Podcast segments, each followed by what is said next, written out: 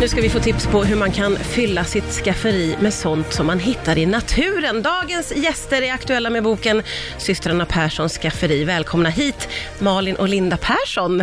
Tusen tack. Roligt att ha er här. Jag har förstått det som att allt det här började med någon slags utmaning mellan er två. Berätta om det. Ja, det stämmer.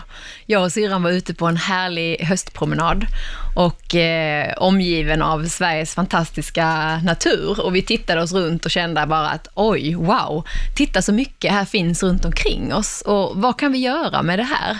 Och istället för att importera mat vi plockar det som finns i naturen här och nu, tar hem det till köket och förädlar och skapar härliga, goda, inspirerande recept. Ja. Frågan var ju lite sådär, du vet man ser de här rönnbären, alla vet man kan äta rönnbär, Ja. men vad gör man av dem? Nej. Alltså man vill göra den där rönnbärsgelén, det är ingen som vill ha den längre liksom. det är det som Det är det enda man kan komma liksom. på. Ja, ja, ja, ja. Så där är det lite såhär, ja men hur kan vi liksom titta på de här råvarorna som de flesta känner till, men vad kan man göra med dem på ett lite mer spännande och intressant sätt? Mm. Och då kom vi på picklade rönnbär, Ja, som precis. skånsk kapris, Jaha. istället för den här slibbiga gelén. Ja, precis. Som man kan ha till typ allting. Ja. Lägg in den, den håller väldigt länge, ja, hela vintern praktiskt taget. Men, men de här idéerna har liksom kommit upp då på promenader och allt har kommit från era hjärnor helt enkelt. Ja, Just det. Men det är många så här gamla godingar liksom, som man Ja. känner till och som vi liksom har, ehm, ja, men som vi har använt oss av Ja. många, under många, många år. Oh ja, och sen en del har kommit till helt nya nu under den här resans gång. Liksom. Ja. Man laborerar tillsammans och, eh,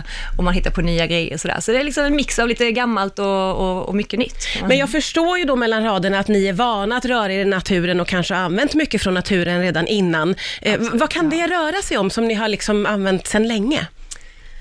Ja, chaga är ju en av de svamparna som vi har druckit under fem sex år. Ja. Och det är ju just en, en svamp som växer på björk. Ja, just det. Som ger enormt mycket energi. Massor med antioxidanter, så man blir så här pigg och glad. Det Ja. dricker vi istället för morgonkaffet. jag. Jaha, Ja. ja, ni har bytt ut kaffet alltså? Ja, vi, vi, vi dricker chaga, chaga latte och Ja. så kryddar vi den nu när det är jul då, med lite kanel och kardemumma och goda grejer och så lite havremjölk. Hur svårt är det att göra det här då? Så enkelt. Är det det? Ja, absolut. Man är ju rädd för att det ska vara för svårt. Ja, nej, men det, är lite, men det är det också som vi vill verkligen inspirera med den här boken, att liksom ge ut och se vad som finns. Och det är faktiskt väldigt mycket av de här grejerna är väldigt enkla att göra. Vi gör en fantastiskt fin ringblomssalva som alla vi i våra familjer liksom använder. Alla har den här lilla salvan på sitt nattduksbord och den är så välgörande och den är så busenkel. Så när man läser det här receptet tänker man bara, men herregud, varför har jag inte gjort det här tidigare? För det är verkligen så enkelt. Ja, ja. Eh, och det är väl lite det vi vill inspirera till, att det behöver inte vara så komplicerat. Det finns Nej. ett intresse så eh, behöver steget inte vara så långt Nej. för att göra sina egna produkter. Nej, ja, För boken är ju, det är inte bara mat. Nej, nej precis. Vi ska ju komma in Ja, på det. Det, det- här, det tänkte ju jag. Det här är bara man. Nej, nej, nej, nej. Här kommer vi in både i städskåpet och badrumsskåpet. Du nämnde ju en eh, ringblomssalva. Eh, hur, hur kommer man på den idén? Och var, var kommer det ifrån? Jag som är lite novis här nu på, på ämnet. ja, nej, men boken har de här tre kapitlerna och vi vill liksom öppna upp de här tre skåpen som för oss är väldigt viktiga hemma. Mm. Dels är det då skafferiet, där vi har maten, och sen har vi då ett badrumsskåp där vi har naturlig skönhetsprodukter och sådär. Och sen Mm. så har vi till vårt hem våra städprodukter som vi försöker fasa ut lite eh, kemikalier och sånt där Ja, som just känner hör hemma i hemmet. Ja. Men ringblomssalva måste du berätta om Linda, för det är Ja. ju din gamla goding. Ja, alltså de här ringblommorna växer i min trädgård. Och jag har gjort den här ringblomsalvan under många, många år, säkert 20 år. Oj. Och jag har delat ut till familj och till vänner och sen har det blivit att folk ville köpa den, har liksom blivit lite så berömd. Och precis som Malin sa, att hela familjen har sin lilla burk på nattduksbordet och smörjer in fötterna på vintern och så vidare och händerna. Ja. Så det har varit en salva som har varit väldigt populär.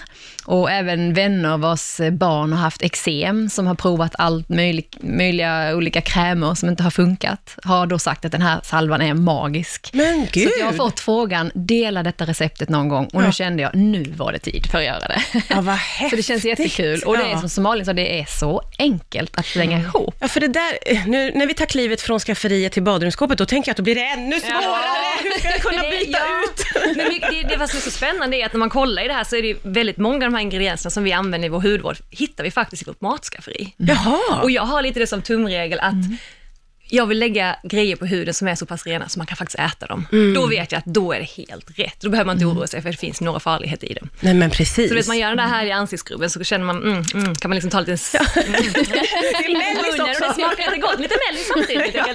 Varför inte? Men hur kommer ni upp med de här idéerna och recepten då? Är det liksom fritt från... Ja men det, vi har ju laborerat under väldigt lång Ja. tid. Men som sagt, vissa är ju helt nya. Eh, helt, ja. Vissa är helt nya och vissa är de som liksom vi har hållit på med under, under en längre tid. Vi spenderar ju, jag spenderar väldigt mycket tid i, köket och jag har också jobbat med mat sista 15 åren.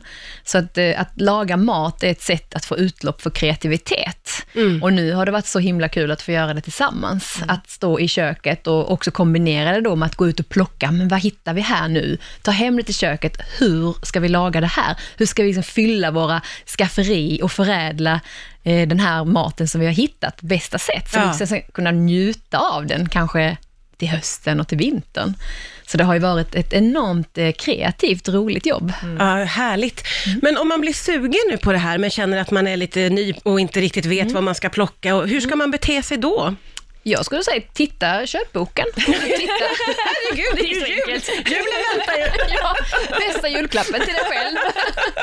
och sen så börjar du, tar du något recept, antingen i städskåpet eller badrumsskåpet eller vanliga matskafferiet. Och någonting som du tycker verkar lockande Ja. och inte allt för svårt. Nej, precis. Och sen freestyla ut efter det. Ta en sak i taget. Ni får det att låta så enkelt. Vi ska prata vidare strax här på Rix FM. Det är många som har hittat naturen under det här pandemiåret. Eh, och intresset för den här typen av frågor, det är ganska stort. Det är inget smalt litet område längre som det var för Nej. några år sedan. Det måste ni märka Ja, av. gud ja. Det finns ju sånt stort behov nu och liksom nu när man inte kan göra de där weekendresorna och kanske flyga till Paris över helgen, så vad gör man? Jo, man tittar runt och vad kan man göra? Ja. Man kan ge sig ut i skogen tillsammans och, och vi vill ju verkligen inspirera våra läsare till det här att mötas upp och träffas ute och liksom känna den här effekten, vad naturen har, den effekten som naturen faktiskt har på oss. Att Ja. man blir väldigt avstressad och att den är väldigt helande.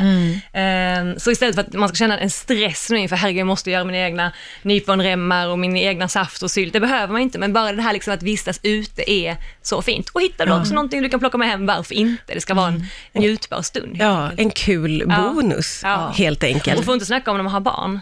Ja. De älskar ju det här. Ja, men som verkligen. sa innan, det blir som ett äventyr. Det är verkligen. tacksamt att vara i skogen. Får jag fråga, eh, Sverige är ju ett väldigt avlångt land och det är väldigt olika beroende på var man bor. Fungerar det här även om man bor, eh, alltså hur, jag tänker man bor uppe i norr på vintern och det är snö. Hur tänker man kring det här med att hitta något i naturen då? Ja, då... Eh, Får man vänta lite- till våren? Ja, man väntar på snön ska. Det finns ju såklart saker att plocka även då, men det är lite, lite mindre saker att hitta just under vintern. Ja. Men det är då vi tänker att det är då man plockar fram de här syrade grönsakerna, Ah. picklade tomaterna från sommaren och torkade svampen från hösten. Så då har man fyllt sitt skafferi, Ja. sitt hållbara skafferi. Ja, Så ja, kan det är man på vintern man njuta. ska njuta av då, det här. Då njuter man av allt det man har förädlat och örtteerna som ligger där och är torkade. Ja, Och så kan man få festmåltider mitt i den mörkaste vintern. ja Så det gäller ju här att vara liksom på hugget Ja. eh, sensommar, höst. Det är då man ska vara liksom... Ja, just det. Det är då man ska lägga in och liksom Ja. ta hand om överflödet, för det Ja. är då vi har ett överflöd. Ja. Och det som är lite utmaningen med att bo i Sverige är att vi har den här långa vintern där det inte finns, det finns ju en del grejer att plocka, men inte så som vi övar Nej. på det Nej. såklart. Nej men precis. Ehm, ja. Eh, vad vill ni att folk ska få med sig då som bläddrar i er bok? Oh, inspiration, glädje, eh, mat som är god, hälsosam och eh, förhoppningsvis läkande. Och vi har ju också haft så himla kul när vi gjort den här boken, så jag hoppas ju verkligen att den här glädjen som vi har känt under det här året när vi har skapat boken, att det ska smitta av sig till läsare, att de kommer känna den här liksom glädjen som vi faktiskt har känt. För det här var ett sånt kul projekt från början till slut. Ja, kanske de känner sig inspirerade till att oj, ja, men det, här, det här var inte så svårt. Och den här extra promenaden innan eller efter jobb har, har gjort mig till att, ja, fått mig att må bättre. Och på så sätt så, ja, kanske den här boken kan ge människor just den här välmående känslan. Ja.